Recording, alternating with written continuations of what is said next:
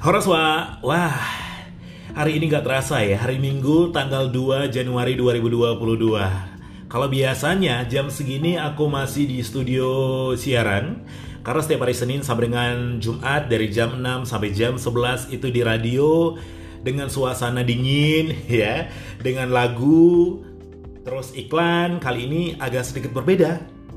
Kenapa? Karena setiap akhir pekan Sabtu dan Minggu itu aku kan libur ya. Biasanya libur kenapa minta libur karena biar bisa buat vlog biar bisa buat konten gitu. Makanya tahun 2022 dan ini awalnya aku buat podcast. Jadi nanti kalau misalnya ada suara-suara kayak misalnya suara angkot suara burung ya ini aku lagi berada di kos-kosan. Gitu. Dan ini adalah podcast pertamaku yang sampai ke depannya akan ada temanya karena satu tema ke depannya akan berkembang yaitu bisnis. Kenapa buat bisnis? Karena memang basically aku punya bisnis sendiri ya, walaupun nggak besar-besar kali, setidaknya udah lima tahun lebih ya. Namanya adalah Siantar Etnik. Ini oleh-oleh Siantar kayak misalnya miniatur becak Siantar, itu pro produksiku ya. Terus uh, kaos custom, souvenir dan lain sebagainya. Nah, bedanya kalau biasanya setiap hari aku kan di radio ya, di radio itu menghabiskan waktu 5 jam. Kalau ini tergantung tema yang akan dibahas ya. Kenapa buat podcast? Karena kepikiran, wah kayaknya podcast sama radio kan gak jauh beda ya. Cuman bedanya adalah kalau podcast itu hasil rekaman audio yang dapat direkam, yang dapat didengarkan oleh kalayak umum melalui media internet ya kalau nggak ada internetnya nggak bisa didengarin. Berbeda dengan radio yang harus dilakukan dan ditayangkan secara langsung dalam frekuensi tertentu, mau dia FM, mau dia AM, gitu dia.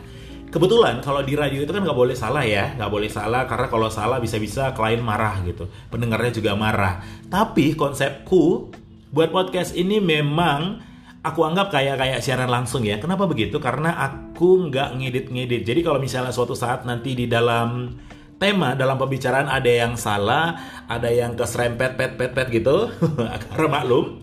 Karena ini tanpa editing, ke depannya juga bakal tidak ada editing editing ya, langsung ketika langsung direkam, langsung di post gitu dia.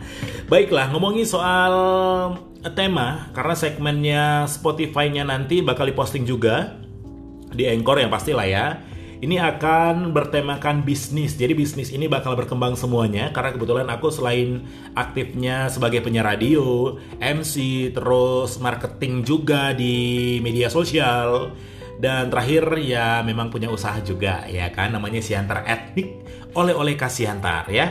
Nah, ngomongin soal bisnis, hari ini kita punya tema yang akan kita bahas adalah peluang usaha yang bisa dicoba di tahun 2022 ini adalah tahunnya macan air itu dan kita kasih peluangnya adalah sebanyak hmm, 7 ya jadi ada tujuh peluang usaha yang boleh dicoba karena tahu sendiri dari tahun ke tahun beberapa peluang usaha terus bergantian trennya ya kan seiring dengan berkembangnya zaman. Tahun ini beberapa bisnis digital menunjukkan kiprah yang cukup baik loh. Karena tahun 2022 menurut astrologi Cina merupakan tahun macan air. Di tahun ini ada sejumlah jenis usaha atau bisnis diprediksi lebih cerah lah ya dari yang lain. Di mana bisnis digital masih menjadi pemain utama. Itu. Nah, kita langsung yang pertama. Peluang usaha di 2022 yang pertama adalah menjual stok foto di situs media gambar. Kok bisa? Bisa dong, karena aku udah pernah coba dan laku, cuman gak fokus. nah, jika kalian memiliki hobi di bidang fotografi, kalian bisa menjual beberapa hasil jepretanmu di situs-situs seperti kayak ini. Aku pakai ini nih, Shutterstock namanya, Shutterstock ya. Bukan hanya itu aja, masih banyak yang lain ada Unplace dan masih banyak lainnya. Jadi kalian bisa menyortir beberapa hasil fotomu yang menurut kalian itu layak untuk dijual. Dan hasilnya selain menghasilkan uang, hal ini juga bisa menjadi lampiran di portofolio pekerjaan. Tapi biasanya jepretannya harus bagus loh. Nggak boleh blur, nggak boleh, ah pokoknya bagus. Karena kemarin banyak juga fotoku yang ditolak. Tapi senang ketika ada laku walaupun satu. Setidaknya berhasil ya. Oh kayak gini kriterianya gitu. Dan yang kedua adalah menjual barang atau baju bekas online. Ini sering di media sosial, di Facebook, di TikTok sekarang sering jadi jualan-jualan ya. nah, menjual barang atau baju bekas itu masih layak dipakai menjadi peluang loh di tahun 2022. Jadi kalian bisa menjualnya di sosial media boleh, di marketplace boleh, apalagi ini kan nggak ada batasan ya, mau dia pekerja udah pekerja atau masih sekolah, mahasiswa bisa Biasanya ini lebih tertarik pelajar dan mahasiswa loh dengan barang-barang pre-love atau baju thrift yang menawarkan brand tertentu dengan harganya miring. Karena kalau udah bicara harga miring, pasti orang berebut apalagi masih kualitasnya oke okay loh. Yang ketiga adalah hampers kue kering.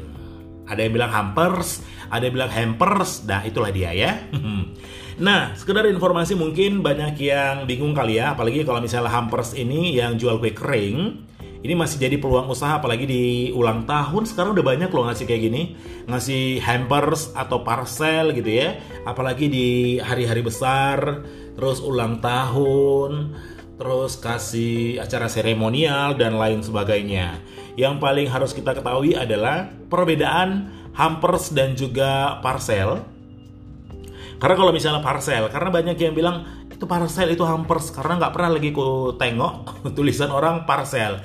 Nah, sekedar informasi perbedaan parcel. Jadi kalau kata parcel ini, pikiran kita mungkin langsung melayang ke bingkisan yang disusun dalam rak rotan. Apalagi dulu ya, ada sirupnya, ada rotannya, ada rotinya itu parcel gitu, dapat parcel gitu. Padahal itu beda ya dalam rak rotan atau nge dihiasi sedemikian rupa lah ya padahal makna harafiah parcel jauh berbeda pemahaman orang Indonesia selama ini. Dalam bahasa Inggris parcel itu artinya adalah sesuatu yang dibungkus kertas dan dikirim menggunakan pos sehingga parcel merujuk pada paket yang biasanya dikemas dengan kertas. Beda lagi sama hampers jadi kalau hampers ini, kalau di Inggris ya, hampers itu merupakan sebutan sesuatu yang mengacu pada keranjang anyaman, biasanya berukuran besar dan digunakan untuk mengangkut barang maupun makanan. Sedangkan di Amerika Serikat, di Amerika Utara lah tepatnya ya, istilah hampers ini digunakan untuk menyebutkan keranjang peralatan rumah tangga, misalnya keranjang laundry atau keranjang tempat menyimpan alat kebersihan dan lain sebagainya. Makanya kalau misalnya di Siantar ketika dibilang hampers tapi nggak keranjang, suka hah? Gitu ya. Hah? Gitu ya. Itu dia. Itu peluang ya. Dan yang keempat adalah peluang usaha 2022 frozen food. Hmm. Makanan dalam bentuk beku alias frozen food ini juga masih menjadi peluang usaha di 2022. Hal ini karena frozen food ini sangat praktis untuk disantap di rumah atau di kos juga boleh. Apalagi kayak bakso kayak gitu ya, empek-empek empek-empek dan lain sebagainya di mana bisnis ini terus mengalami peningkatan di setiap tahunnya loh. Frozen food. Makanya kalau misalnya dekat rumah kita ada nanti buka buka baru usaha apa? Frozen food. Gitu. Baiklah yang kelima peluang usaha adalah makanan plant based ya. Plant based ini kalau kita artikan adalah pola makanan yang mayoritas mengkonsumsi sumber nabati dan sedikit sumber hewani Nah yang suka-suka diet-diet nih, ini cocok nih ya. Karena menu makanan plant-based ini juga akan menjadi peluang bisnis 2022 yang layak dipertimbangkan. Apalagi kini harga protein hewani kerap naik turun, naik turun daging apalagi ya. Belum lagi persediaan ayam asli yang dilaporkan berkurang jumlahnya. Hmm. Salah satu contoh ya menu plant-based ini bisa kamu jual lah ya 2022 nanti ada nugget gitu misalnya nugget tanpa daging misalnya kayak gitu ya kan? Karena sejauh ini aneka menu-menu plant based ini mendapat sambutan hangat loh dari konsumen loh. Karena sekarang udah banyak yang nggak suka makan yang aneh-aneh.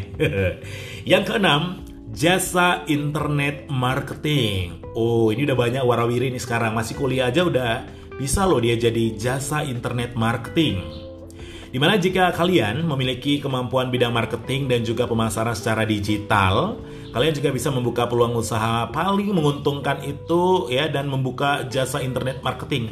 Aku udah terapkan soalnya. Jadi biasanya klien aku kayak misalnya cafe gitu ya berapa eh, posting sebulan bayarnya segini gitu.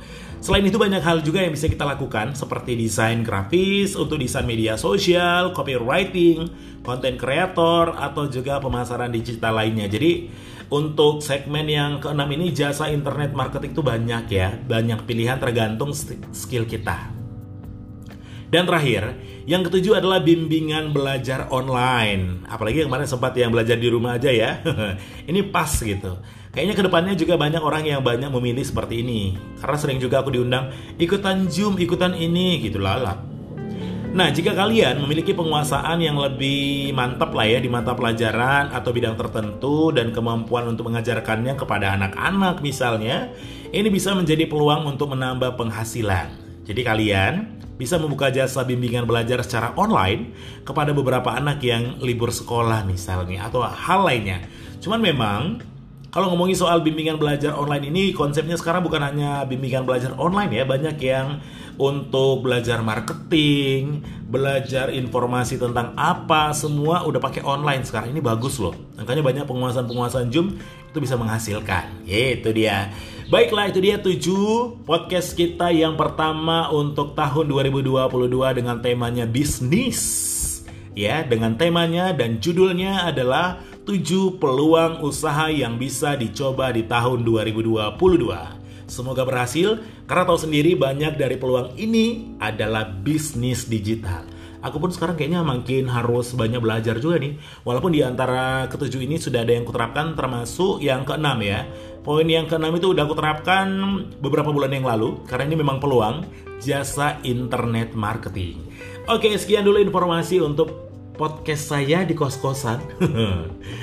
Biasanya siaran kok jadi buat podcast, hampir sama soalnya ya.